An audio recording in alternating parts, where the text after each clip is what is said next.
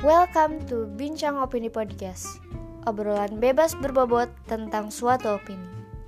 Most people bilang bahwa anak zaman sekarang kurang aware terhadap masalah yang ada di lingkungan. Tapi di sini, di podcast gue ini, gue pengen membawa opini gue untuk didengar oleh kalian semua.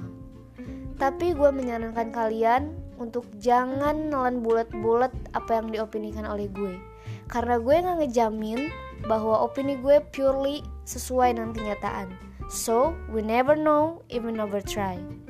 Gue Zaki Aulia, happy chill out guys. thank you